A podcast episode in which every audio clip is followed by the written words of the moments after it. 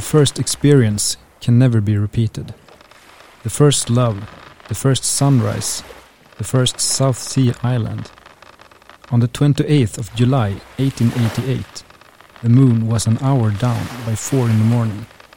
In the east, a radiating center of brightness told of the day, and beneath, on the skyline, the morning bank was already building, black as ink.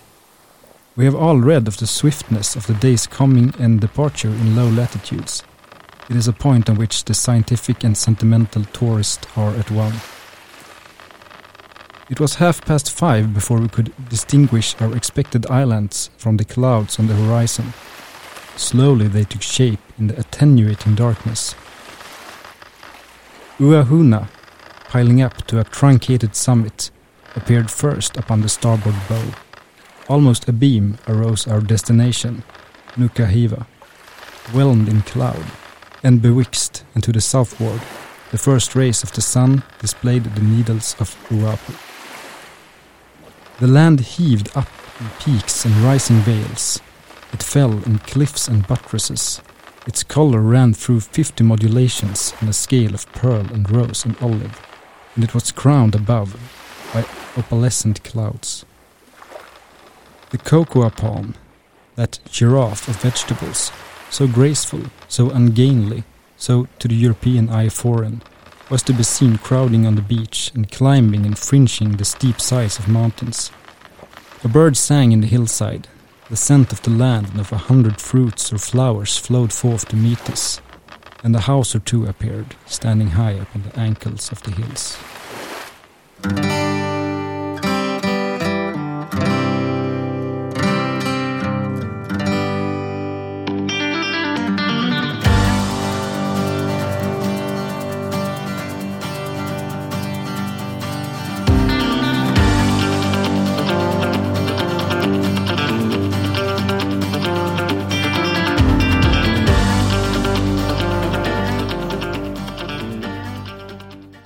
Hej och välkomna till Geografipodden. Podden som sätter rummet i centrum. Vad var, det, vad var det där som vi hörde? Det där var lite utdrag ur Robert Louis Stevensons The South Seas som släpptes 1896 efter hans död. Ja, okej. Eh, någon slags reseskildringar ungefär. Mm. Och det här var från första kapitlet som handlar om hans ankomst till Marquesasöarna i franska Polynesien. Ja, just det. Jag sitter med kartan framför mig. Jag ser det. Här uppe ligger. Mm. Det var hopklippta meningar ska jag också förtydliga Mm. från det kapitlet som beskriver omgivningen. Ja, men det sätter väl ändå någon form av känsla inför dagens avsnitt av paradisöar och Ja, jag hoppas det. korallatoller och allt möjligt. Mm. Eller det kanske i alla fall är den första bilden som man får av det. Sen kanske när man gräver lite djupare så, Så finns det mer. Ja. ja det gör det alltid i regioner. så är det. För idag är det regional geografi som gäller. Ja, och det är då Oceanien Ja, som vi hade valt att döpa det till då. mm. för det ska vi se direkt också att Oceanien i vanliga fall inkluderar ju Australien och Nya Zeeland. Mm. Om vi tänker Oceanien som en världsdel. Eh, Men vi kommer inte ha med Australien och Nya Zeeland nu. Nej. Det får bli ett eget avsnitt. Ja, och det finns väl förklaringar till det också, att den storregion som vi kommer prata om idag inte innefattar de två. Ja, det finns ju kulturella skillnader Exakt. och sådär. Så det har vi att se fram emot idag. Men vi kanske ska börja med lite geografiska nyheter kanske. Ja, det ska vi göra. Vad har vi där då? Ja, jag har lite, lite bränder och sådär. Eh, Men jag kan börja med en, eh, lite isberg. Ja, gör det. Ett isberg större än Mallorca har brutit sig loss från Ant- Antarktis. Just det, det har jag faktiskt läst om. Mm.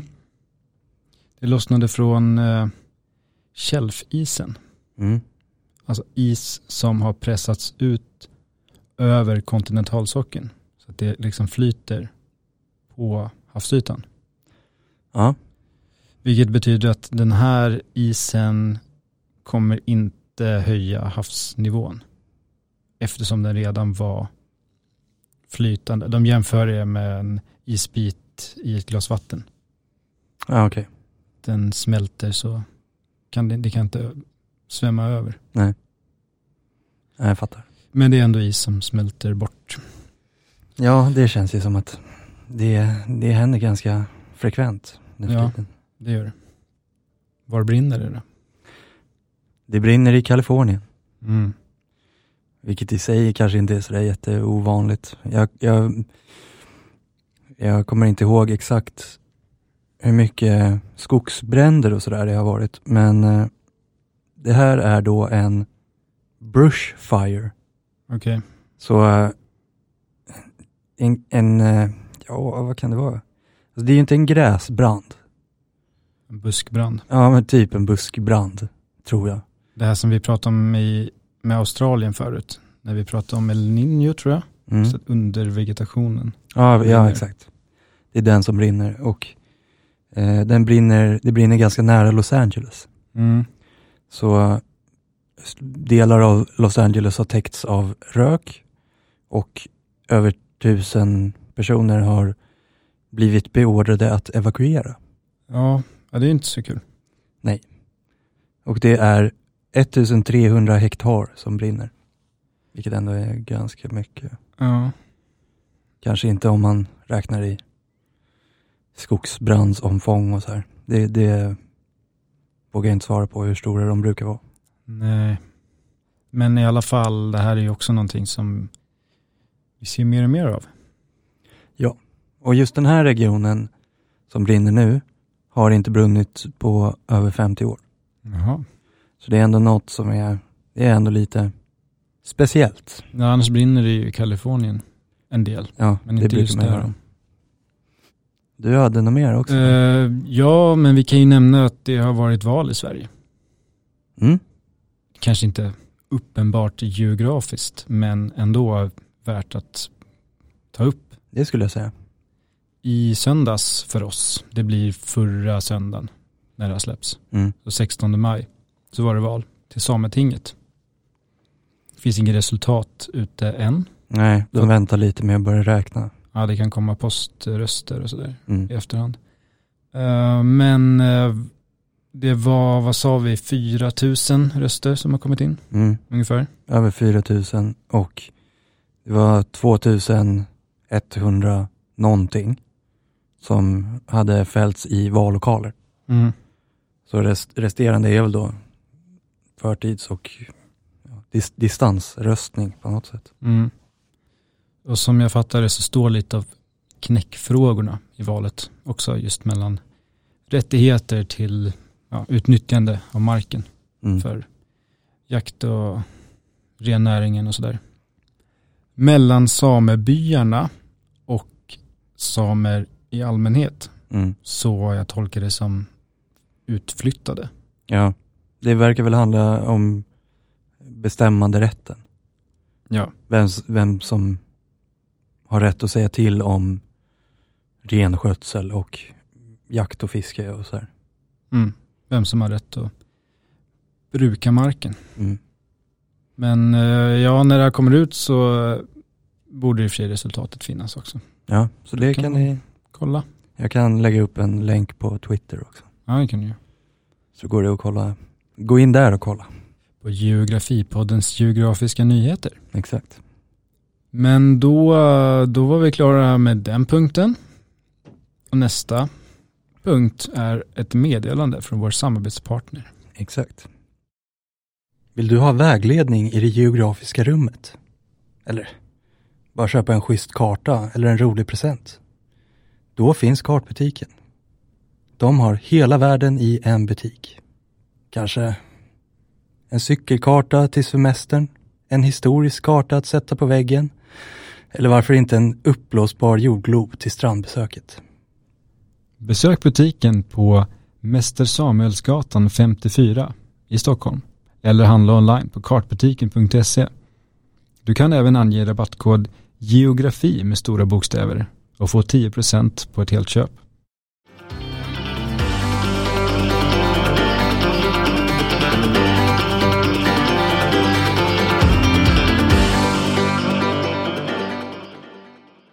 Välkomna till Stilla havet. Tack.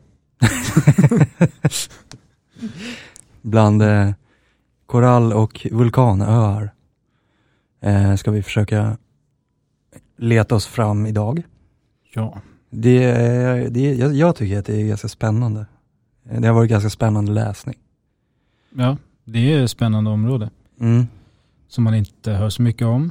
Som ligger extremt långt bort mm. för oss. Och som är annorlunda. Vilket också är en av anledningarna till att Australien och Nya Zeeland kanske inte riktigt passar in heller. För att de är inte lika annorlunda. Nej, det är både kulturellt men inte bara det utan det är även så pass stora öar så att det Mm. blir lite annan situation Ja. också. Det är det och eh, den här regionen, om man pratar om den stora, hela Oceanien som vi pratar om idag, känns ju inte så särskilt homogen. Varken naturmässigt eller kulturmässigt. Nej, den täcker ju en extremt stor yta. Ja. Även om landytan är liten. Mm. Har vi några siffror på exakt hur stor, stor regionen är? Ja, jag försökte räkna på det här. Det här blir inte helt lätt när det är lite blandade så här, administrativa gränser och sådär. Och vi Mm. tog bort Australien och lite fram och tillbaka. Mm. Men det jag hittade var att Oceaniens totala landarea är 8,5 miljon kvadratkilometer. Men det är ju väldigt mycket Australien. Tar vi bort Australien och Nya Zeeland hamnar vi runt 550-600 000 kvadratkilometer. Varav väldigt mycket av det i sin tur är Papua Nya Guinea, ett av länderna som ingår Ja. i våra regioner idag. Men som tar upp eh, en stor an- andel av det som, som är land i det vi Mm. pratar om. Tar vi bort även Papua Nya Guinea så är vi kvar, vi är nere på 261 000 kvadratkilometer landmassa av alla de här öarna. Mm. Det är ju halva Sverige drygt. Ja. Det är ju inte så mycket. Nej, Varför, varför, det är ju inte så mycket av en stor region nej. egentligen. Halva Sverige. Men de täcker över 100 miljoner kvadratkilometer av Stilla havet. Ja. Den totala befolkningen är inte heller jättestor. Utan sammanlagt då runt 14 miljoner. Varav 9 miljoner i Papua Nya Guinea. Ja. Så vi har ju lite av en jätte, relativt sett, Mm. i den här storregionen som vi går igenom idag. Just det, och eh, landmassan, den, det var utan Papua Nya Guinea, halva Sverige. Ja, precis. Med Papua Nya Guinea så är landmassan uppåt 600 000 kvadratkilometer, så det blir lite mer än Sverige. Då. Mm. Jag vet inte vad det kan vara, Sverige och Norge kanske? Ja, 14 Ungefär. miljoner. 14 miljoner. Befolkning alltså. Men nu pratar vi landyta eller? Jag vet, men jag tänker som, som jämförelse. Ja, I Sverige finns det väl, hur många är vi uppe i? 10, 10 miljoner? 10 någonting. Ja, nej, det är ju inte, speciellt om man bara, bara pratar om små öarna så är det ju väldigt, Ja. det är ju ganska glesbefolkat också. Då. Men visst landar det på att eh, om ytan är ungefär Sverige och Norge, folkmängden är 14 miljoner. Mm. Vad, hur många är de i Norge? Eh, bra fråga. En googling ger drygt 5 miljoner. Mm. Så det är ju intressant. Det är ungefär lika tätbefolkat där som i Sverige och Norge. Ja. Ja. Jag vet inte om det hjälper att förstå Nej, någonting. det, det är väl ändå något, det kanske sätter det i perspektiv lite grann. Men där slutar nästan likheterna. ja, ja, jo det, skulle, det, det kan man väl säga. Och en sista liten sån här faktabox är att det, regionen utgörs av över 10 000 öar. Mm. Och vissa är ju jättesmå. Ja, ganska många är väldigt små. Ja, Men Papua Nya Guinea, eller Nya Guinea som då hela ön heter, står ju ut i att den ändå är väldigt mycket större än alla andra. Det är den. Och nu, nu har vi ju ändå pratat om några regioner Mm. och den här som vi kommer prata om idag är av de som eh, är med i, i den boken som vi utgår ifrån så är Oceanien, eller The Pacific Realm som den heter, den absolut största men med den absolut lägsta landmassan. Ja, just det. Den största till ytan Ja. med hav och hela... Så det är ändå ett väldigt stort område att ta sig an. Ja, det är det ju. Eh, Det brukar delas in i tre olika delregioner. Ja, Så från storregion, Oceanien, eller the Pacific Realm, till då ett Melanesien, två Mikronesien och tre Polynesien. de här tre är ju huvudsakligen etnografiska regioner, har de kallats i eh, vissa källor. I eh, Regions-boken då så säger de att de huvudsakligen är uppdelade utifrån etniska, lingvistiska och fysiogeografiska kriterier. Mm. Eh, så vi ska väl försöka gå in på eh, ja, alla de tre lite grann. Ja. Ska vi börja med lite fysiogeografiska? Ja, det känns väl som ändå ett bra ställe att börja på. Det finns ju väldigt, eh, väldigt grova drag. Två, eller kanske tre typer av öar som är inblandade. High Islands, höga öar, Mm. som är vulkanöar. Ja. Som är helt enkelt, eh, de når högt över havsytan. För att det är liksom, kanske inte aktiva nödvändigtvis, men i alla fall ganska nyligen aktiva vulkaner Mm. som har bildat ön. Som fortfarande liksom står som ett berg. Ja. Det finns low islands, eller atoller, Korallöar. där själva berget som var en vulkan har eroderats bort. Kvar är någon slags korallformationer som Mm. satt runt berget från början. Mm. Där det har sedimenterats och blivit land. Där man når knappt över havsytan. Nej. Det finns ju ganska många exempel på öar där den genomsnittliga höjden är under två meter över havsytan till och med. Mm. Vilket är väldigt lågt. Ja, vi kommer tillbaka till det. Ja. Och sen kan man ju också säga som en tredje då, jag tror det heter kontinentala landmassor. Ja. Som var del av kontinenter tidigare. Mm. Det är väl mest eh, Nya Guinea i det här fallet. Ja. Som det gäller. Precis. Så det är liksom inte bildat av någon vulkanisk aktivitet. Och sen så känns det ju inte riktigt som att det finns någon enhetlighet i de här mindre regionerna, vilka typer av öar som finns var. Men det finns ändå någon form av liksom, generalisering som man kan göra, att det är vulkanöar i Melanesien Mm. och korallöar i Mikronesien och Polynesien. Även om det också finns vulkanöar i dem och korallöar i Melanesien. Men det är ändå en sån generalisering som man har stött på. Eh, att Melanesien är det som är generellt högst. Ja, och det är det också det som är längst västerut. Mm. Om ni vill se ungefärliga gränsdragningar för de här regionerna i storregionen så går det bra att googla på Oceania. Ja, en bildsökning där så ser, hittar man ganska lätt utbredning av de här regionerna. Mm. Man kan väl säga i stora drag att eh, till väst så är Mikronesien i norr och Mellanesien Mm. i söder. Och sen öster om det så är det Polynesien som är ett jättestort område som sträcker sig upp till Hawaii Ja. i norr. Påskön Ja. österut. Ska vi eh, försöka få lite klarhet i vilka länder och provinser och sådär som finns i de här olika regionerna? Ja, de borde ju bli omnämnda.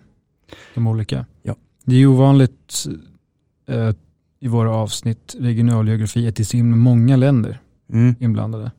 Ja, vi har, vad har vi? Vi har eh, Centralasien som var... Fem. Ja, Sex, Sex, var det. och sen Nordamerika som är två. Ja. Nu är det jättemånga och det är också en jäkla blandning här mellan självständiga nationer och eh, territorier som tillhör gamla kolonialmakter och sådär. Men eh, vi, vi måste ändå kolla lite på det här. Ska vi börja med Melanesien? Mm. Där har vi ju nämnt Papua Nya Guinea. Ja. Det är ett land. Det är ett land på halva ön, Nya Guinea. Det blir lite förvirrande tycker jag att den indonesiska provinsen som ligger bredvid, alltså på västra sidan av ön, att den heter Papua. Ja. Men, okej. Ibland räknas ju den också in i Ja. Oceanien och i Melanesien. Mm. Men inte idag. Nej. Sen har vi Solomon, nej Salomonöarna heter de på svenska. Ja. Inte Solomon. uh, Vanuatu. Ja. Två andra självständiga länder och även Fiji som ligger längre österut. Uh, däremellan har vi Nya Kaledonien. Ja, som är ett franskt territorium Mm. som vi kommer komma in på lite mer sen. Ja. Det var Melanesien. Det jag hade i alla fall där. Ja, det är de jag har också. Ja. Mikronesien. Mm, lite fler. Vi har Palau. Ja. Det är en ö i princip. va? Ja, precis. Kanske någon omgivande, men Det är en huvudö i alla fall. ja. Till skillnad från eh, Mikronesiens federer federerade stater. Exakt, som är väldigt många öar. Sen har vi, Nordmarianerna. mm, som på något sätt är sammanknutet med USA, men inte riktigt. Nej, det är en självständig nation. Mm. Ligger längst norrut Ja. i regionen, som man kanske hör. Vi har Marshallöarna, Ja, också jättemånga öar. Nauru. Sen har vi västra Kiribati. mm. Det kan inte bara, hela Kiribati kan inte bara ligga i Mikronesien. nej, nej, Och så har vi Guam som tillhör USA. exakt. Om vi går vidare då till Polynesien, Ja.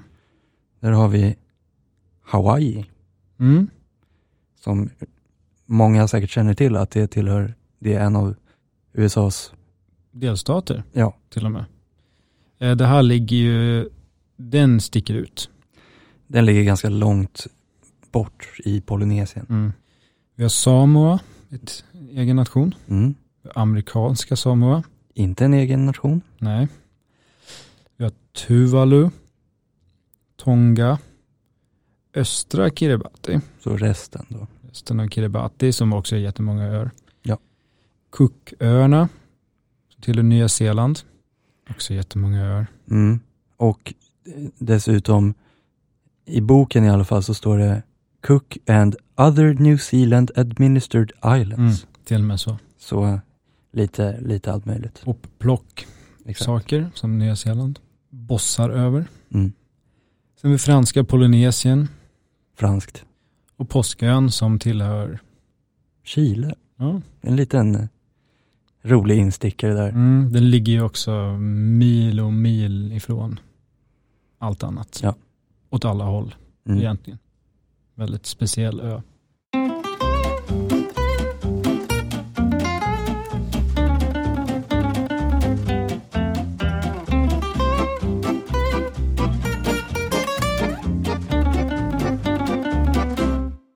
Men vi var inne på lite fysiografiska Mm. aspekter här innan Mm. vi kom av oss och började prata länder. ja. Ska vi gå in lite på eh, djur och natur? ja, absolut. Det, för det är också ganska intressant eh, med, med många ö-nationer överhuvudtaget, att floran och faunan ofta blir ganska speciell. Mm. Den utvecklas ju ganska oberoende av omvärlden. Och just i eh, Oceanien då, så brukar man prata om att djur och växter kom dit efter senaste istiden, där det fanns möjlighet eh, bättre möjligheter att ta sig ut till de här öarna. Mm. För att vattenbestånden var väl lägre eftersom det var massa is och så. Ja, men det, ja, det, det var det ju. Det måste det ha varit. Mm. Och sen efter det så har de liksom skilts, och, skilts av och utvecklats på egen hand. Mm. Så det kan vara, det är många arter öarna emellan som kanske är besläktade, men där det har blivit liksom den tuvalusiska finken, Mm. typ. Eh, vilket gör att det, det är ofta på många av de här öarna är ett e, väldigt eget liksom, djurliv och växtliv. Ja, många lokala varianter. Mm. Jag läste att det, är, det finns mycket fåglar i allmänhet. Ja. För det är sådana arter som ändå kan ta sig lite grann mellan öar Mm. och ändå ha lite större habitat. Så de kanske flög dit och sen när, när de väl var där så bara, nej vi behöver inte flyga längre och så slutar de med det. Ja, ja det, men lite så kanske. det finns ju en del sådana här flightless birds i, utöver Nya Men Zeeland, det, även de andra. Ja, just det. Det gör det och för sig också. Det är sant. Så det kanske är någon utveckling. Om det nu var mycket fåglar och inte så mycket liv på marknivå, att det fanns något form av evolutionärt övertag som man kunde få där också. Mm. Bara spekulationer. De är inte så mycket rovdjur säkert. Nej. På många håll heller. Precis. Så då kan de knata omkring där. Förutom kanske i luften. Ja. Men det kanske inte minst finns liv i haven. Ja, med tanke på hur mycket hav det finns i regionen så Ja, bör det finnas en del liv där också. det gör det ju. Man pratar ju om olika marina realms, så marina storregioner Mm. också i området. Som jag såg tre stycken som kallas för Temperate Australasia. Och det är väl mestadels utanför det vi gör idag. Det låter så, ja. Ja. Har vi Central Indo-Pacific och eh, Eastern Indo-Pacific. Som det sammanfaller väl ungefär med Melanesien, Mikronesien och sen Polynesien Mm. i stora drag. Men i alla fall i Central Indo-Pacific så kan det vara värt att nämna Nya Kaledoniens barriärrev Ja, som okej. ändå är världens näst största korallrev efter Stora barriärrevet. Mm. Och eh, det ligger ganska nära varandra. Eh, men det är ett världsarv sedan 2008 och har lika stor eller kanske till och med större diversitet i koraller och fiskarter än Stora barriärrevet. Vilket antagligen är för att det är i bättre skick. Vilket jag antar i sin tur beror på att det inte riktigt finns samma grad av aktivitet Mm. där som det gör på Australiens östkust. Ja. Så det är inte lika skadat. Så äh, ska man snorkla koraller så kanske man ska göra det där. Istället för att åka till Australien. Mm, nu är i och för sig snorklingen ett av de hoten som ändå finns mot korallreven så jag kanske inte ska. Men eh, om man åker till Nya Kaledonien, räknas det som att man reser inom EU? Bra fråga. Jag är tveksam. Mm. Men det hade varit Man måste ju mellanlanda en del utanför EU. eh, sant. Det, det är det? helt sant. Om man inte tar en båt direkt från Göteborgs hamn. Mm. Så tips. Ta en båt till Nya Kaledonien och res inom EU.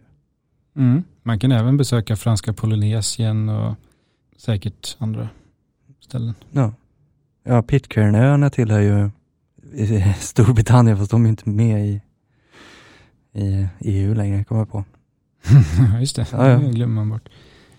Du hade en eh, annan rackare som man tror bor i haven, men som inte gör det. Eh, nej, det gör den ju inte. Det, är säkert eh, kanske några som känner igen den här arten som heter kokoskrabba. Det finns bland annat en känd bild på en gigantisk krabba som hänger på en soptunna och är lika stor som soptunnan. Det är då en kokoskrabba. Jag vet inte om den bilden är helt sann. Men de är, det är världens största landlevande kräftdjur då. Så de lever i land. Och det är en eremitkräfta då. Mm. Det man undrar är ju lite varför de väljer att leva på land i det här området. Ja, Det är väl också någon form av anpassning. För Ja. att det, det kokoskrabban gör är att den klättrar i träd Mhm. och äter kokosnötter. Vilket i sig känns ganska som ett lite konstigt beteende för en krabba om man tänker på krabban som man brukar tänka på krabbor. Liksom. Ja, och bara allmänt, för att om vi, om vi kommer lite, hade du något mer om krabban?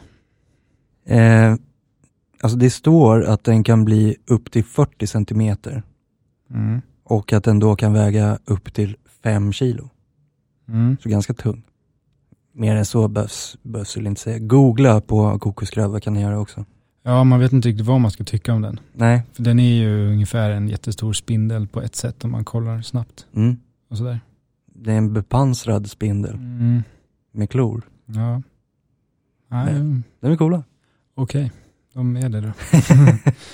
Men eh, jag tänkte om man eh, kommer vidare lite till resurser. Ja. så är ju det någonting som på många av de här öarna, de här atollerna, kanske inte kryllar av på land. Nej. Och det som finns är lite grann kokospalmer. Det har den typ hittat. Mm. Bra jobbat men ändå liksom en ganska snål anledning att leta sig upp på land kanske. Ja. Ja, jag vet inte. Alltså, jag kan väl tänka mig att de, en, en fem kilo tung eremitkräfta på land kanske inte har så mycket naturliga fiender. Vilket den kanske potentiellt har i haven. Att det är en sån grej att den, Ja, kan, kanske. Stort kanske på den ändå. ja, i alla, alltså den har ju antagligen inte särskilt mycket hot på land. Frågan är ju hur mycket hot den har i haven. Ja, visst det också. kan finnas hajar, men jag menar, ger man sig på den? Men alltså, om det finns en krabba som är så stor så kommer det säkert komma någon, någon en haj som specialiserar sig på att bara äta kokoskrabba. Och då, har de, då, kan de bara gå upp på land.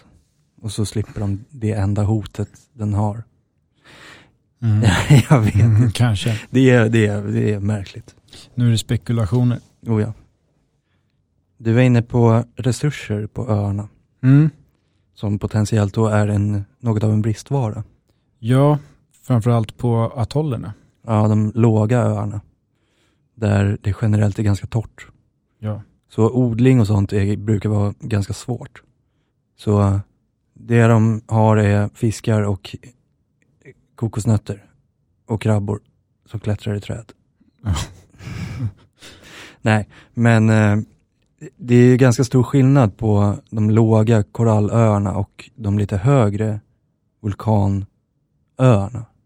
Mm. Där det faktiskt bedrivs, eller kan bedrivas ganska mycket jordbruk och ganska varierat framförallt. det, jordbruk. ja, bland annat så regnar det lite mer på Ja. vulkanöarna. För att det är högre. Ja, den här processen som vi har pratat om förut. Molnen passerar över berg. Oro, orografiskt regn, Ja, heter det så? ja just det. Det Mm. gör det. Så de kyls så det blir nederbörd. Mm. Så där finns det ju lite säkrare försörjning egentligen.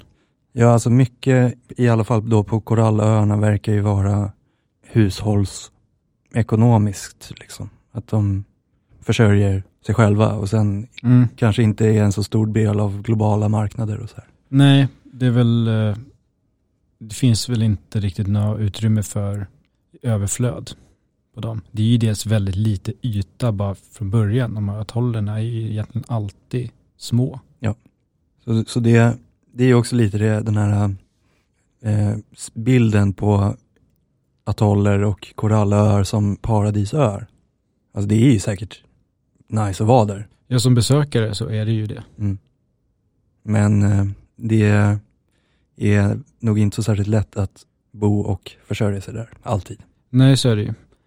Det jag läste om också gällande Mikronesien, där det ändå finns en viss eh, blandning av höga och låga öar, Mm. är att det skulle kunna finnas alltså utbyte.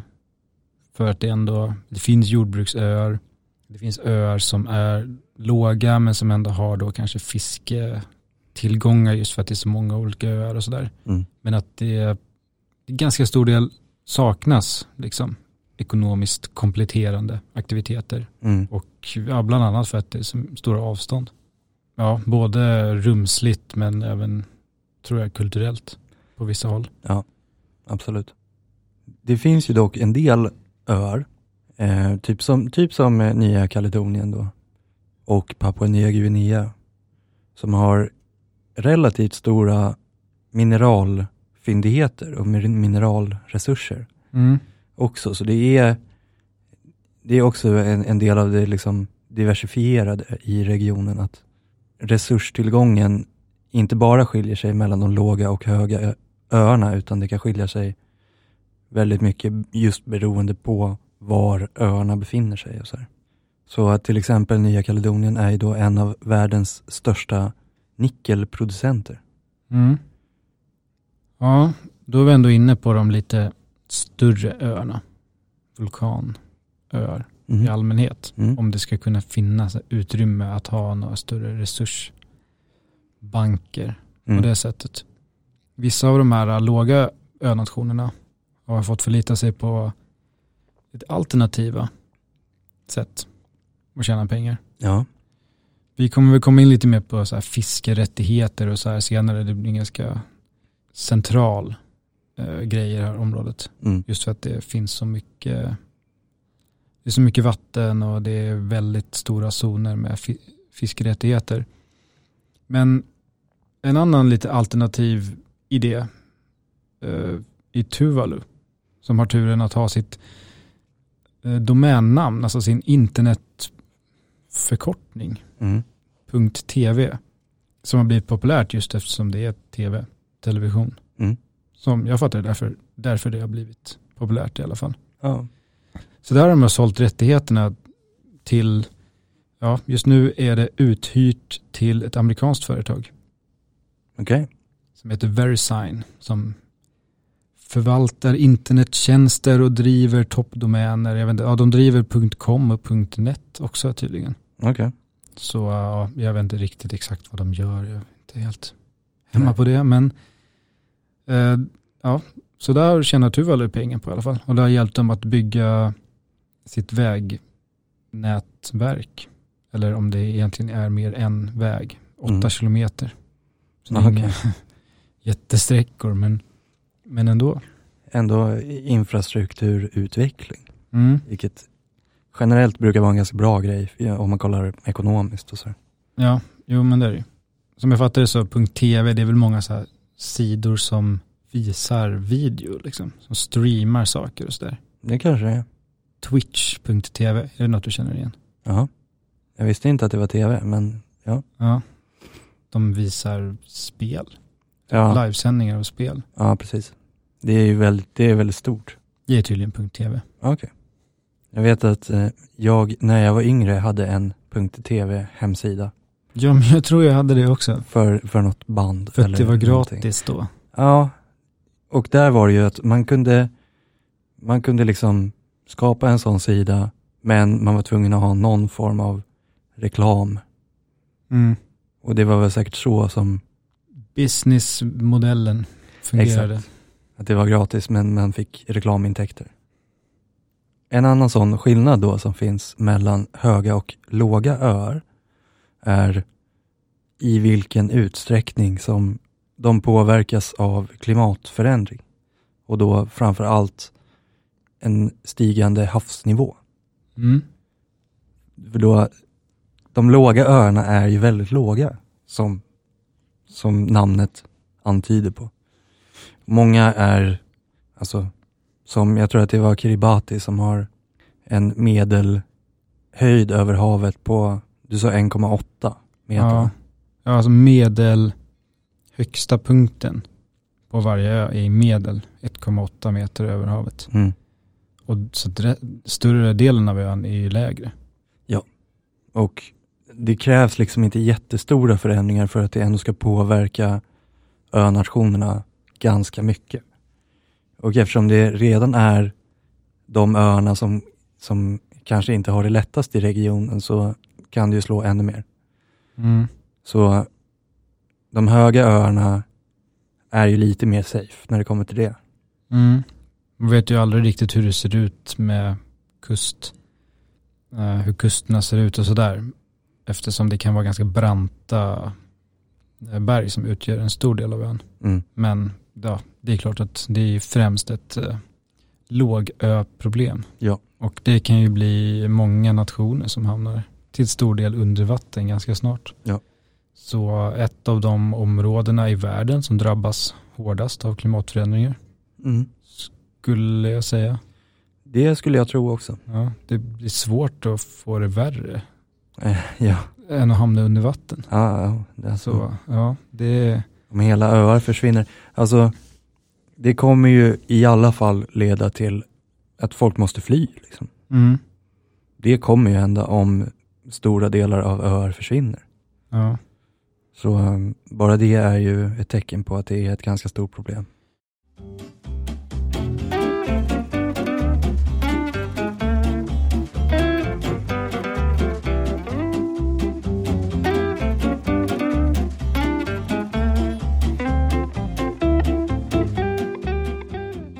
En annan grej som generellt skiljer de olika regionerna åt är befolkningen.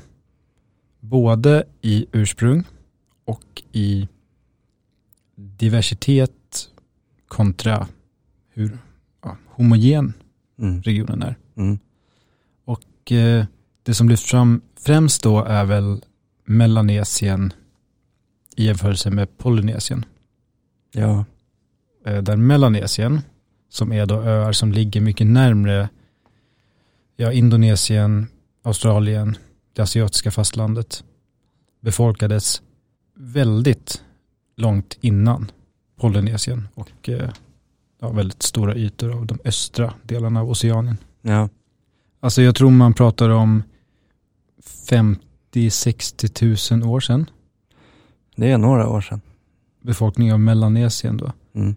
Och eh, som jag fattar det i någorlunda samma våg som Australien och att då de australiensiska aboriginerna är har samma ursprung som mycket av den melanesiska befolkningen. Ja, okej. Det är så jag har förstått Mm. situationen. Det låter, låter rimligt. drag. Och just eftersom dels det har varit befolkat väldigt länge och dels det är lite större öar som är bergiga så har folk kunnat leva i lång tid ganska separerade i små samhällen. Vilket gör att det finns en enorm diversitet i kulturer och språk Ja. i Melanesien. Och eh, Papua Nya Guinea är ett intressant exempel. Mm. Det är just den största ön så att det blir ju eh, extremfall eller vad man ska kalla det. Men vi nämnde i när vi gjorde vårt avsnitt om städer, Mm. pratade om urbanisering, Ja, just det. att eh, ja, vi pratade ju om att Liechtenstein var så lågt urbaniserat. Mm. Men vi nämnde också att det allra lägst urbaniserade är Papua Nya Guinea. Nu har jag sett att det kan vara Burundi också, men ja, Okej. om vi pratar om Papua Nya Guinea. Så varför är det det? Och eh, då kommer man in på just de här grejerna. Mm. Det är väl faktiskt en hel del eh, fysiska barriärer också som har gjort att stammar eller eh, byar har fått utvecklas i fred också. Att, så att det liksom på så sätt har blivit en diversitet där. Mm. Ja men så är det ju. Så det är ju det och tiden som har gjort det. Ja. Skulle jag säga. Eh, Det, ön har väldigt, det är en ojämn terräng. Bergskedjan New Guinea Highlands, mm. Nya Guineas högland. Ja. Eh, ja, går längs hela ön egentligen. Mm. Både den, den indonesiska delen av Papua Nya Guinea. Och eh, mellan då, eller i dalgångar mellan bergen, så eh, finns det olika jordbrukssamhällen. Och eh, just att det här då höglandsområdet ändå är ganska välbefolkat för att det finns väl bördiga områden här och där, Mm. inte direkt sammanhängande. Och sen låglandsområdena som också finns, de ja, präglas av tät regnskog och våtmarker, så det är inte heller så här jätteframkomlig terräng. Så så är det fortfarande. Och något arbete med att utveckla en ja, infrastruktur och transporter över ön, det är, har inte kommit jättelångt. Till exempel så är huvudstaden, Port Moresby, inte kopplat med något vägnätverk till någon annan av de största städerna. Nej. Det är ganska extremt. Den näst största staden som heter Lae, L-A-E, eh, där tar det, det tar 45 minuter att flyga mellan Lae och Port Moresby. Okej. Men det finns ingen väg. Jag försökte söka på Google Maps vägbeskrivning mellan de här städerna. Mm. Det går inte ens till fots. Ingenting. Nej, Det går liksom inte. nej. Det är flyget. Det, det är ju ganska oframkomligt i så fall. Ja, eller båt förstås måste ju gå. Så åka ligger vid kusten. ja, Ja. Ja, jag tror, ja, jag har för mig att Port Moresby är på södra sidan då. La, jag tror jag är på norra sidan. Mm. Så det sitter ju inte ihop. Det finns ingen större sammanhållning. Och eh, det finns över 851 kända språk Mm. i Papua Nya Guinea. Där det var en befolkning på nio miljoner typ. Ja, Mm. vilket är helt extremt. Just för att alla, det är så många samhällen som lever helt skilda från varandra. Mm. Och i stora delar lever de också i något som kallas för customary communities. Där land ägs av ursprungsbefolkning. Varken är liksom privat eller ägt av staten. Utan det ägs av de olika samhällena. Och staten har inte direkt någon inblandning. Nej. På många håll. Och polis och ordningsmakt och sådär når liksom inte riktigt ut överallt. Nej. Alls. Vilket man kan förstå när det inte ens finns vägar. Ja, nej, då blir det svårt för polisen. Ja, och man räknar också med att det är ett av världens mest outforskade länder. Mm. Det finns massa arter av växter och djur också som inte finns registrerade i vetenskapen. Och sådär. Så det här är väl lite det som är grunden till att ett land som Papua Nya Guinea är världens minst urbaniserade. Mm. För Port Moresby, det är ju inte så särskilt jättestor befolkning där. Jag tror att det var 330 000. Ja, det låter bekant. Eh, och om det är 9 miljoner, och det är, jag vet inte hur stora de andra städerna är, men jag misstänker att de är ganska mycket mindre kanske. Mm. Då blir det ju en väldigt låg urbaniseringsgrad i sig. Ja, det kanske blir att man kan i bästa fall skrapa upp en miljon då, Ja. i stads, de större städerna. Och resten, då är åtta miljoner kvar Mm. som bor i småstäder eller på rena landsbygden. Ja. Så så är det ju. Och det är väl lite det här som gäller i Melanesien överhuvudtaget, fast i mindre skala på andra ställen då. Att samhällen har utvecklats under väldigt lång tid ganska skilda från varandra just för att det är bergiga öar och eh, hav Ja. mellan dem.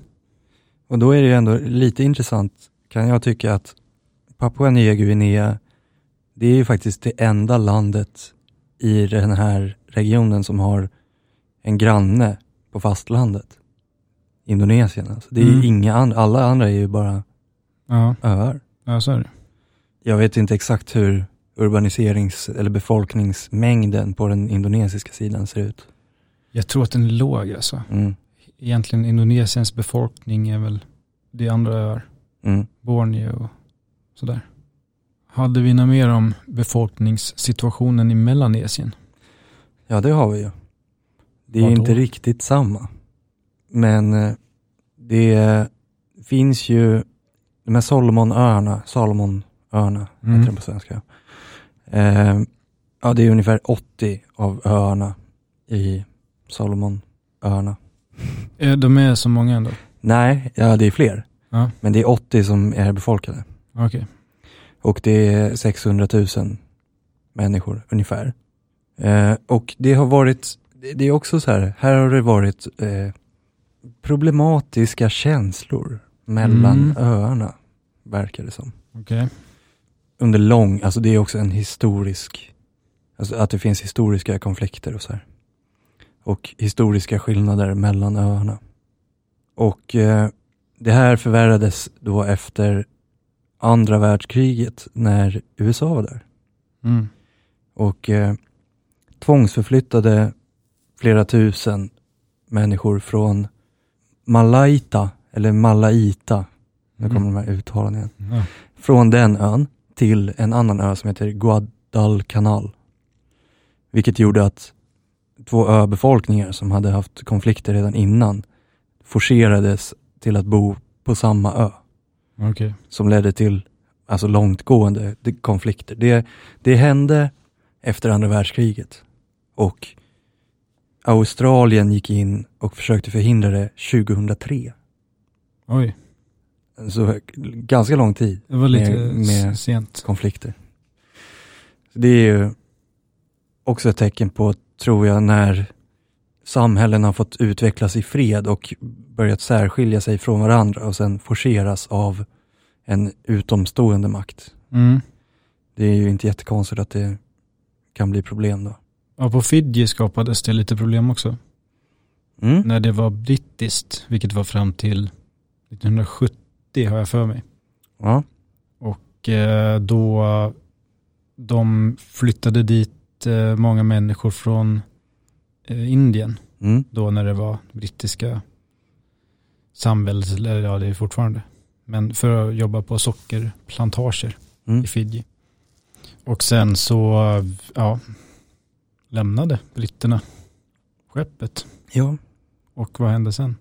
Så det har väl inte varit helt smärtfritt. Nej, Det, som, det var lite politiska spänningar. eh, ja absolut. Det har varit fyra militärkupper på 20 år. Ja, okej, ja. Så jag, Politiska spänningar kanske är en underdrift.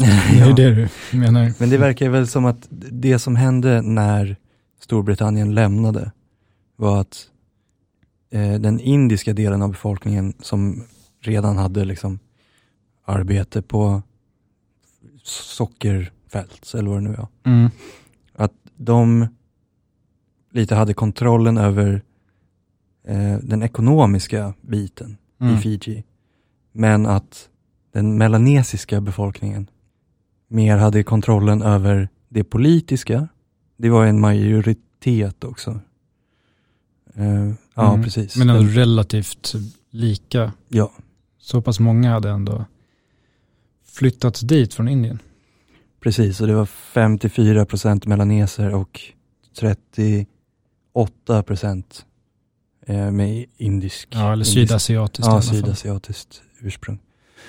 Eh, så det blev att det blev liksom, de hade kontroll över olika saker och den sydasiatiska delen av befolkningen hade inget eh, politiskt inflytande. Mm. Men de hade kontroll över ekonomin. Så det gjorde att de lyckades få kontroll över eh, politiken ändå. Vilket svarades med en militärkupp från melaneserna då som hade kontroll över militären. Mm. Så det har gått lite, verkar ha gått lite så fram och tillbaka. Liksom. Och att det ändå finns en problematik, eller fanns i alla fall, jag vet inte hur det är nu, men det fanns en, en ganska stor problematik där befolkningarna emellan. Och det, där har vi också ett exempel med Nya Kaledonien som fortfarande är franskt och som har en hyfsat stor del eh, av befolkningen som är fransk. Ja, det är en, en minoritet, men de är 33 procent som har europeiskt ursprung. Ja, ja men det är ganska många. 45 som har melanesiskt ursprung. Och eh, där vi nämnde ju nickeltillgången till exempel. Eh, där den franska delen av befolkningen får allt bra med nickelutvinningen medan den melanesiska delen av befolkningen är de som jobbar i gruvorna och inte får så särskilt mycket överhuvudtaget. Mm. Där är det också så att det, det är ganska rimligt att det skapar spänning. Men Jo. det är ju fransk militär och så här. Så ja, det, det är inte helt lätt alltså. Nej, det är ju inte det. Det känns som det alltid är lite sådana grejer i kolonialsamhällen. Mm. Så det var lite Melanesien. Som vi sa så ställer vi det lite mot Polynesien i den här delen Mm. av programmet. Vad, vad hände där? Vad är grejen med Polynesien? Ja, Varför är Polynesien, trots sin gigantiska yta i hav då, Ja. mer homogen kulturellt? Mm. Det är ju en bra fråga. Och du har väl redan varit inne lite kanske på varför? Har jag? Ja, möjligtvis att det befolkades lite senare. Mm, just det. Att det kanske ändå kan ha någon del i det hela. Ja, ja, men det har det väl. Den rådande teorin är att omkring 4000 före Kristus så började folk färdas från Sydostasien ut mot övärlden. Jag läste att de till och med har spårat att det ska vara från Taiwan. Ja, så pass? Ja, Ja, ja. jag vet inte hur säkert det är. För att det finns en del olika varianter på den här teorin. Mm. Men i alla fall, genom då Melanesien, via Mikronesien, kanske även Filippinerna, ut mot den stora övärlden som vi idag känner som Polynesien. Mm. Den stora spridda övärlden framför allt. Ja. Och det skapades en kultur som kallas för Lapita-kulturen. Mm. Föregångare till dagens polynesiska kulturer. Mm. Och de här seglade ju då jättestora avstånd mot vindriktningar, Mm. vilket är fascinerande. Ja, alltså mycket, alltså de var ganska tidiga på effektiv liksom, navigering och allmänt sjöfarande känns det som. Att de var Mm. alltså, duktiga ganska tidigt. Liksom. Ja, tidigt, även fast det här är då 50 000 år efter befolkningen av Melanesien, Mm. så är det fortfarande tidigt för att ta sig till de här jätteavlägsna övärldarna. Mitt i Stilla havet. Ja, verkligen. Och framförallt då mot, för det är ju annars passadvindarna blåser västerut. Just det. De här färdades österut med båtar kallade druakanoter. Mm. Två kanotformade kroppar med en flotte emellan Ja. ungefär. Som ändå då också var så pass stora så att de kunde ta med sig en del grödor och djur och sådär. och Domesticera Mm. heter det va? På sina nya öar som de nådde fram till och skapa ändå permanenta kulturer dit de kommer fram. För som sagt de här atollöarna, det kanske inte finns så jättemycket där från början, Nej. ofta. Kokospalmer, Ja, och fisk. fisk. Fast inte på öarna då, utan Nej, de är typiskt i vattnet. Ja. Eh, nej men så att det är väl teorin att de färdades genom bebodda områden och tog väl med sig liksom influenser från kulturerna ja. passera, men skapade ändå en då ganska enhetlig polynesisk kultur. Mm. Eftersom det ändå var, ja, inom citationstecken, nyligen. Ja, ja men precis. Man räknar med att de nådde fram till då Påskön längst öst och Hawaii 300-400 år efter Kristus. Och det jag hörde också är att just då, om vi pratar kulturskillnader sådär, det man stöter på i populärkulturen nu är vanligtvis polynesisk kultur. Mm. Det som man kanske känner igen. Eh, Det finns ju, ja men det är väl mycket just det hawaiianska eftersom det är, det är USA och det är spritts genom att det är USA. Mm. Men sen har väl USA inflytande på andra ställen också. Ja, det är så jag fattat det. Det är det man möts av mest. Det är ju också eh, en del från Nya Zeeland då. Eftersom Mm. maori, maorierna har en polynesisk bakgrund också. Mm. Ja, Så om man kollar mycket på rugby och ser en, en haka-dans. Okej, ja, det har jag aldrig gjort. Nej. Men, men visst. Det är ganska coolt. Nej, för, ja, för de skiljer sig ju då helt från det. Den australiensiska ursprungsbefolkningen och den nyzeeländska är ju då Melanesien kontra Polynesien. Som jag har förstått det. Ja, men det vill jag minnas att jag har läst också. Ja, men vi ska väl också ge oss in lite grann på den alternativa teorin.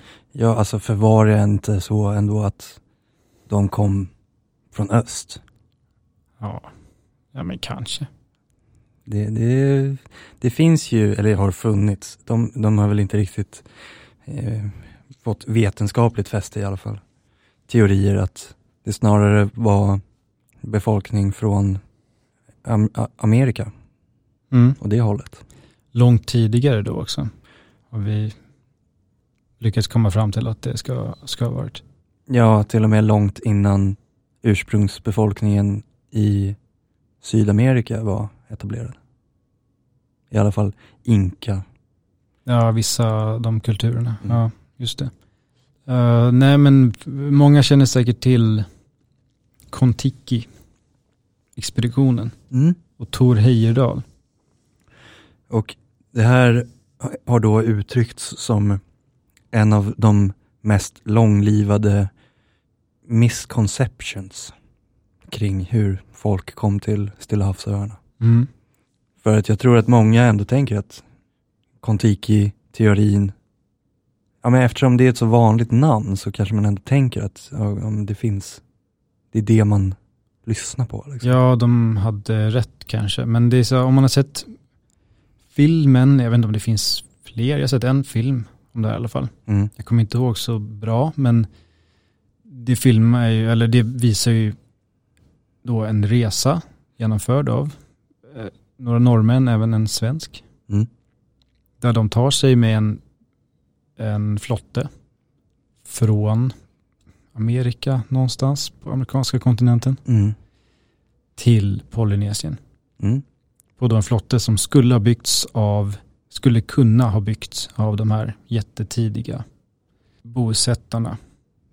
Och det är i princip en flotte som inte ens går att styra. Nej, hans grej var väl lite det här drift, drift voyage. För det känns ju kanske mer naturligt också att man bara färdas med vindriktningen. Ja, ja men det, Istället för att, visst det borde vara lättare. Även om avståndet med öppet hav blir väldigt mycket längre. Det går liksom inte att pausa någonstans riktigt. så är det. Eh, Men, nej, men det man ser i, eller som jag minns, är att eh, de kommer fram. Ja. De visar att det här gick ju bra. Mm. Och de är ju inte ens några vana sjöfarare eller någonting. Nej. Så att de lyckas ta sig där och man kanske tror att det bevisar någonting.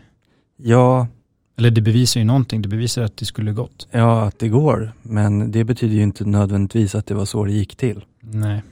De är ju ganska skilda. Nej men det som eh, omger hela den här grejen också, det är anklagelser. Ja. Eh, om rasism tänker du? Ja. Ja, alltså nu, nu har jag ju framförallt läst om den här teorin inför det här avsnittet. Mm. Men om man bara läser om det och vad liksom teorin utgick ifrån så kan jag förstå att den ses som problematiskt. Framförallt då att det skulle, så innan inkakulturen så fanns det en, en eh, grupp med vita gudar i Sydamerika då. Mm.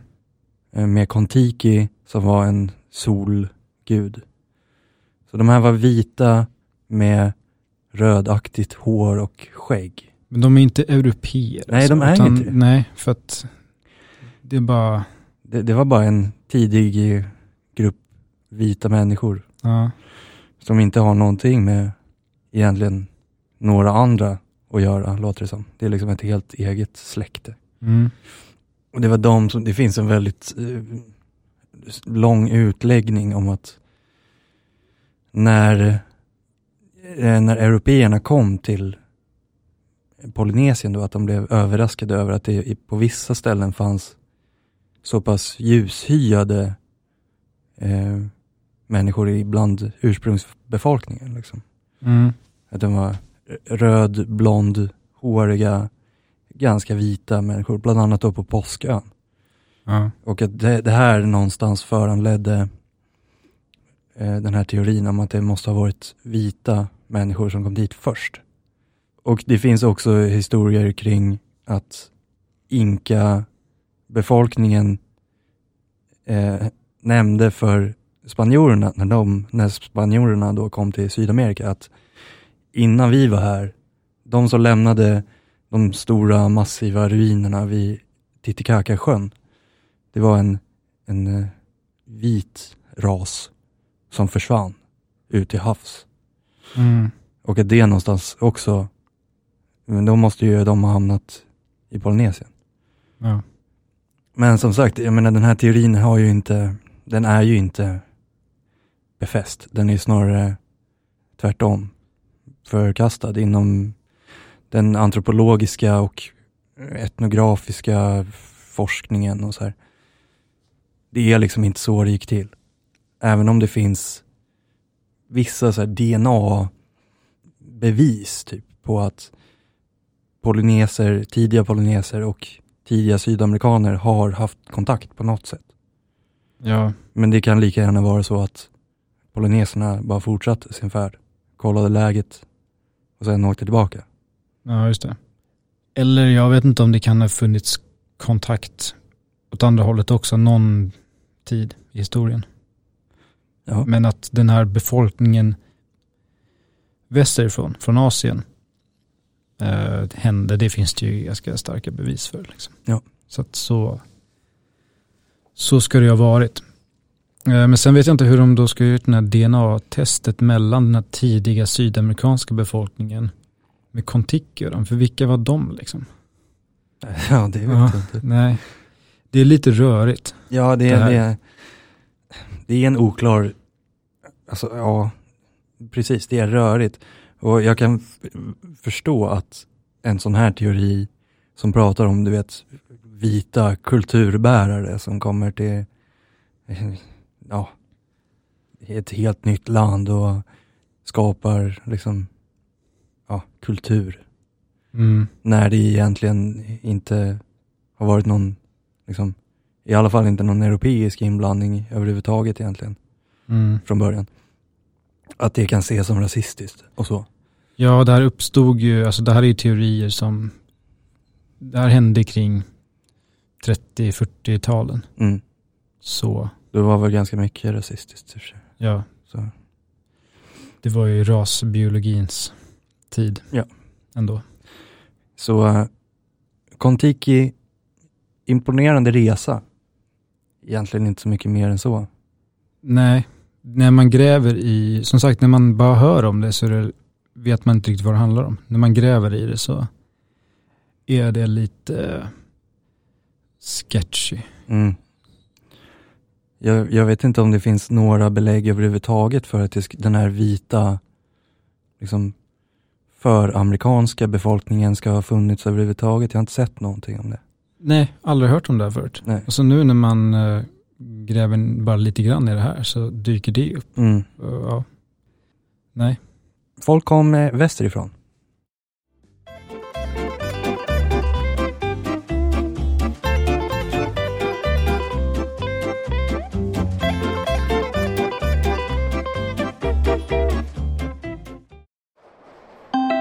Nästa, Clipperton, Vänta. nästa, Tasmanien, nästa, Transylvanien. Vilse på världskartan. Är vi redo för dagens Vilse på världskartan? Ja. Ska vi... Vi, vet väl reglerna vid det här laget, eller? Ledtrådar. Jag har en gissning. Poäng. Kör. Ska vi köra igång? Ja. Okej. Fem poäng. Alföld heter en slättmark som ligger på det Pannoniska bäckenet och tidigare låg i Pannonien. Under förhistorisk tid låg slättmarken också under vatten, vilket har skapat en bördig mark bestående av flodavlagringar och lössjordar.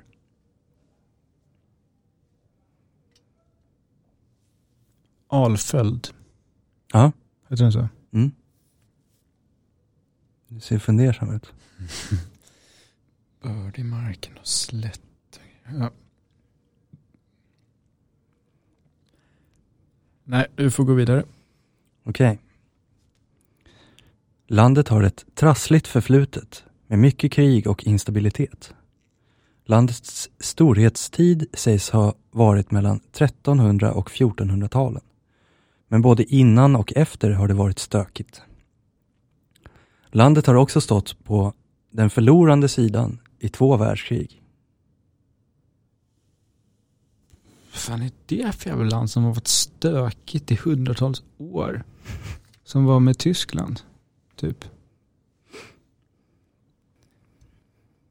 Jag tänker lite grann att det kan vara någonting i Asien. Det var ändå en del inblandning i världskrigen. Ja, fast två världskrig. Du menar första och andra. Det är ju andra, ja, första. Men vad skulle det vara för land i Europa som har varit stökigt? Typ forever. Alf.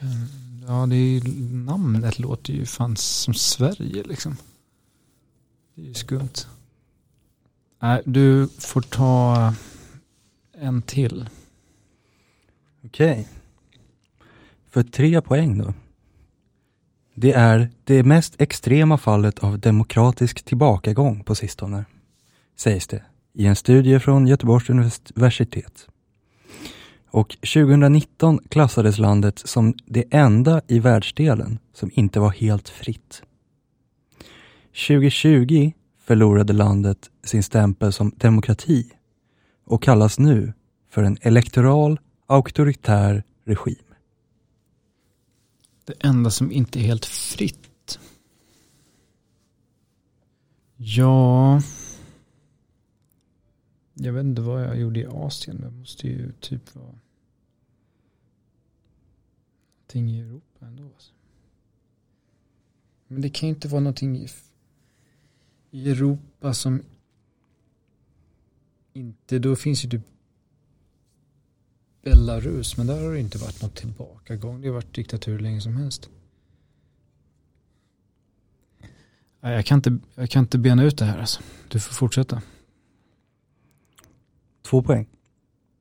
En av världsdelens mest fotogeniska huvudstäder, sägs det, om landets huvudstad. Stadens namn är bara ett ord, men det är ändå tudelat. Den första delen av namnet är den gamla stadsdelen och den sista biten är den nya stadsdelen. Ja. Nu vet jag nog. Vill du Jag slå? svarar Okej, där fick vi svar. Vi går vidare till en poäng. En stormakt, eller dubbelmonarki, med ett av grannländerna existerade 1867 till 1918. Landet snuddar vid bergskedjan Karpaterna och den längsta floden är Donau. Jag kan också lägga till att det här grannlandet som eh, det var en stormakt med är vår näst största källa till lyssningar. Ja. Du svarade Ungern. och det var helt rätt. Woohoo. Just helt fritt, jag håller med dig om att det är en konstig, konstig formulering. Ja, men just att det är det enda. Jag undrar om det kanske är så att jag eh, blandar ihop det med att det var enda i unionen Mhm. som inte klassades som helt fritt. Det, För det känns mer, eh, jag vet jag skulle Ja. kanske inte riktigt hålla med om det heller, men nej jag har svårt att se till exempel Belarus som helt fritt. Nej. Eller Ukraina. Nej. Ja. så det var rätt. Ja. Pannonien var en gammal romersk region. Mhm. Pannoniska Okej. bäckenet är tydligen ja, ett område med, som är, ligger vid Karpaterna och som bildar ja, men mycket, mycket mm, bra, bra mark. Ja. Eh, Alföld som det heter, eller hur man nu uttalar det, jag har ingen aning. Eh, det heter också Stora Ungerska slättlandet. Ja, okej. Alföld, ja det är någon slags ö i det. Ja, De Och har ju någon ju- variant på... Ja, för ungerska är ju i samma, samma liksom, språkträd som finska har jag för. Mm. Så de, de har ju, det är ett lite speciellt kontinentalt språk liksom. Ugriska språk. har jag för mig att det Ja, just det. Precis. Finska ugriska. Mm.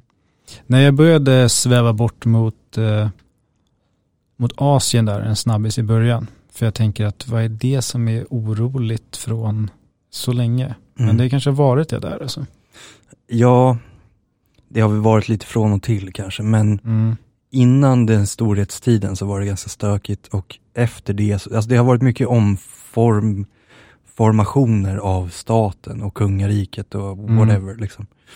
Så det har hänt ganska mycket. Ja, jo, Österrike, Ungern och hela den grejen. Österrike som är vår andra lys- Mm. näst största lyssnare. Jag hade inte tänkt att ta med det som ledtråd eftersom det hade gett dig i princip svaret. Ja. Men eh, det är ju ändå en lite fun fact Mm. Man kan slänga in. Vi vet inte varför. Har ingen aning. Nej. Om, någon är, om ni är österrikare och lyssnar på det här, kan ni berätta Ja. varför? Skicka ett mail till Ja. geografipodden gmail.com.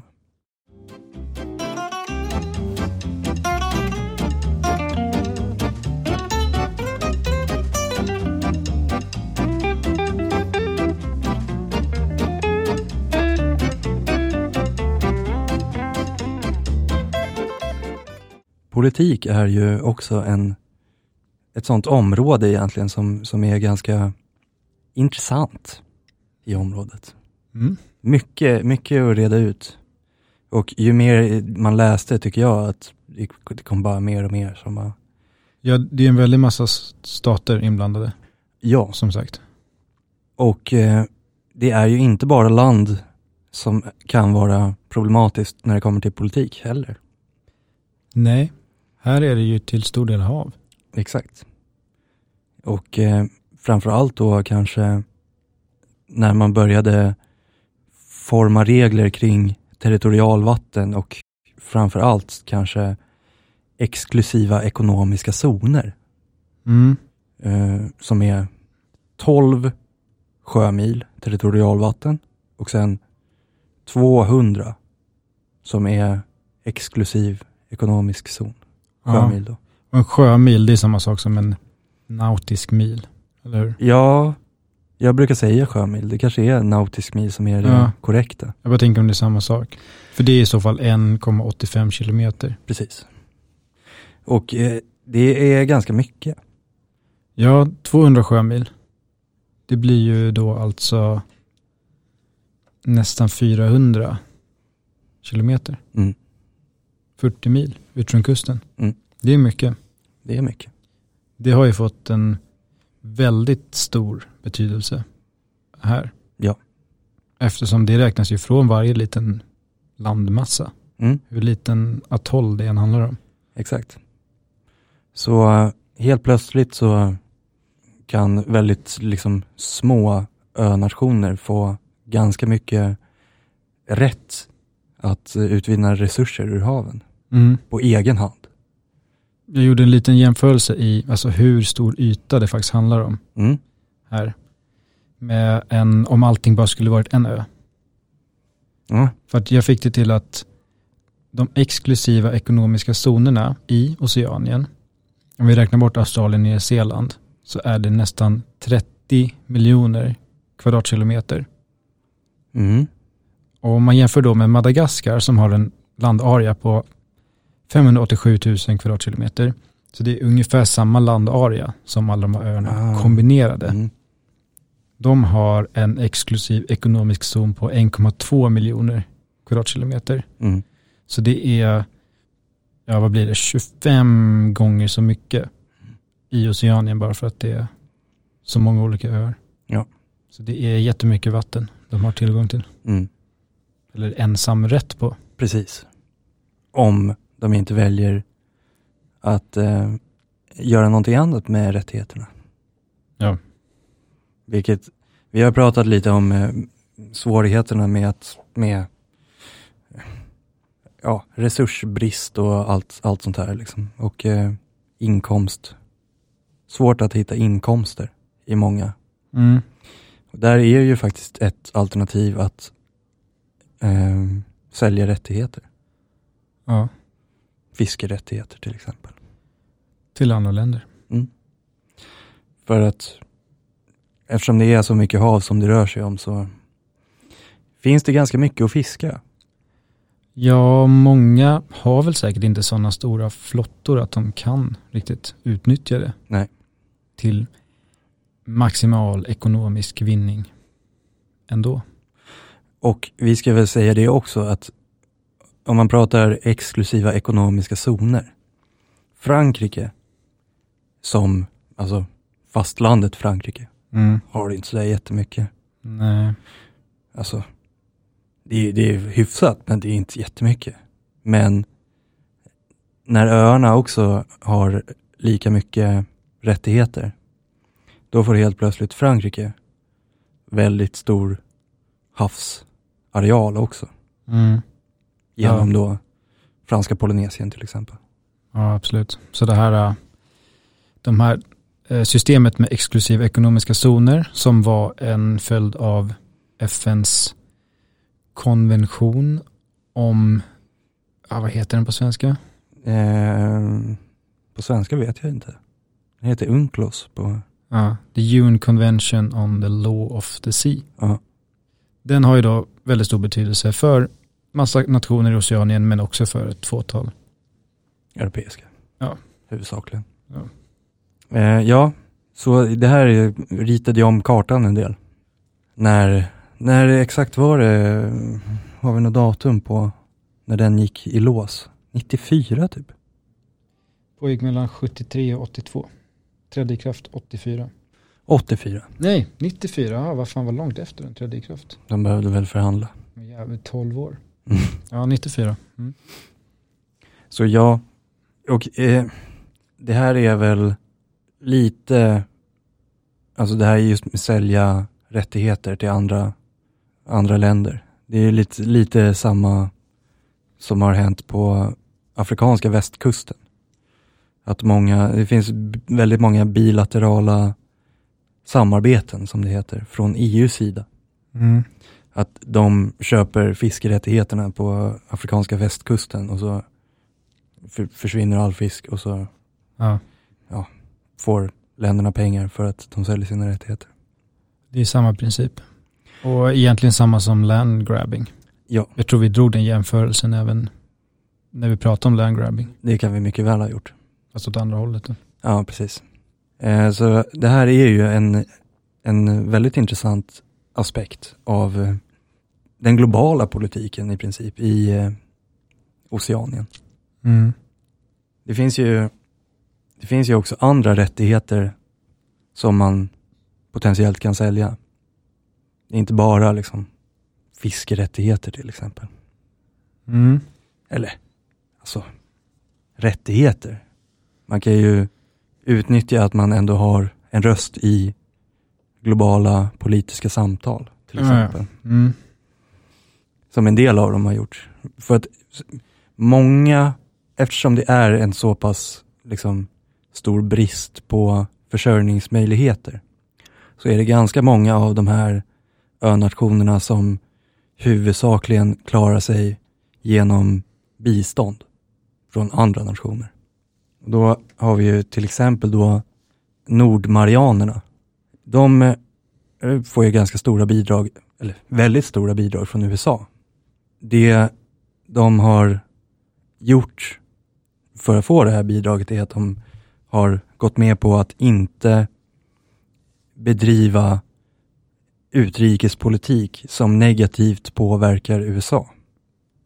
Ja. Så till exempel röster i FN och annat som potentiellt kan påverka USA negativt är big no-no.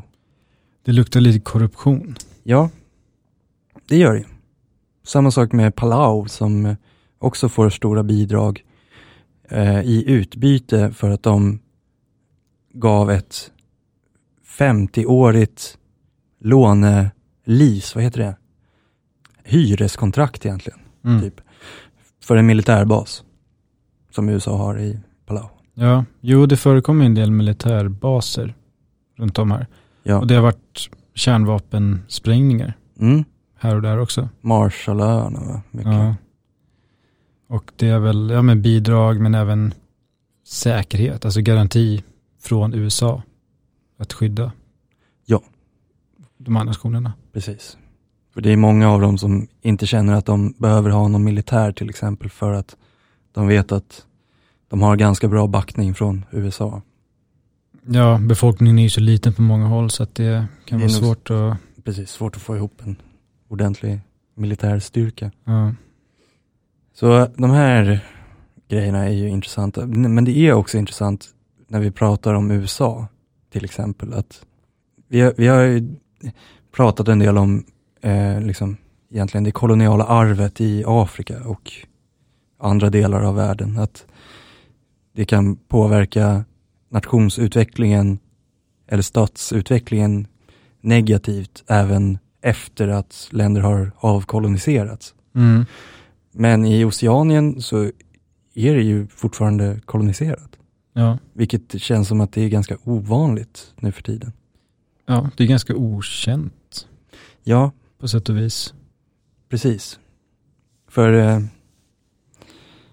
ja, men Guam till exempel, som eh, faktiskt är amerikanskt. Mm. Det är ju en här, väldigt strategisk plats mitt ute i Stilla havet och nära till Kina till exempel. Ja.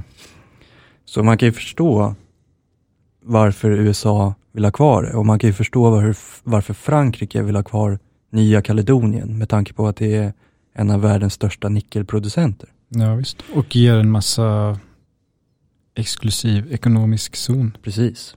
Men det är konstigt att det är accepterat i de här världsdelarna eh, på ett helt annat sätt än i Afrika Ja. och Syd, ja, Sydamerika. Alltså där det är liksom i princip helt borta. Mm. Men om man ska få spekulera lite då, Det får du. så kan det ju faktiskt ha att göra med eh, försörjningsmöjligheterna och bristen till dem. Att det är svårare för kanske många av de här speciellt lågöarna att kunna försörja sig som en suverän stat. Ja, många är beroende av bistånd. Mm. Även när de liksom blir självständiga. Ja, och man märker ju också att visst nu Nya Kaledonien är ändå lite större öar och sådär i Melanesien. Mm. Men att det blir det är mer, det är fler, det är en större andel av nationerna i Polynesien, i atollvärlden, Mm. som fortfarande är kolonier. Ja. Det finns en mindre befolkning från början också som liksom kan skrapa ihop ett motstånd. Mm. Men eh, det har vi nog med, med möjligheter att göra också. Antagligen. Antagligen. Sen så finns ju i och för sig också, kommer jag på nu, till exempel franska Guyana. Ja, just det. Så att det Det finns. finns. Men det blir väldigt eh, märkbart i eh, Oceanien och kanske, kanske Karibien också. Vi får se när vi går in på Jo, de önationerna också. jo men så, eh, så är det nog. Det är den vibben jag får just nu i alla fall. Ja. Det börjar bli dags för oss att runda av nu va? Ja, ehm, jag tror klockan har tickat på ganska bra här faktiskt. Mm. Det kan nog bli ett av våra längre avsnitt. Det känns som det finns en risk för det, ja. Men det är, det är mycket. Det var mycket. Mm. Trots att det är så lite land så finns det mycket att prata om. Ja, så jag tror ändå att Oceanien förtjänade sin tid i rampljuset. Absolut, det håller jag helt med om. Ska vi eh, påminna om Facebook och Instagram? Ja, det kan vi göra. Vad Vi- heter vi där? Ja, vi heter ju Geografipodden. Ja, enkelt. Vi har redan nämnt Twitter en gång i avsnittet.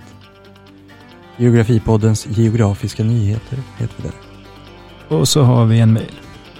Geografipodden snabel-gmail.com Dit kan ni skriva och förklara varför vi har lyssningar i Österrike till exempel. ja, det väl bra. ja, ja. Till nästa gång. Gå inte vilse. I det geografiska rummet.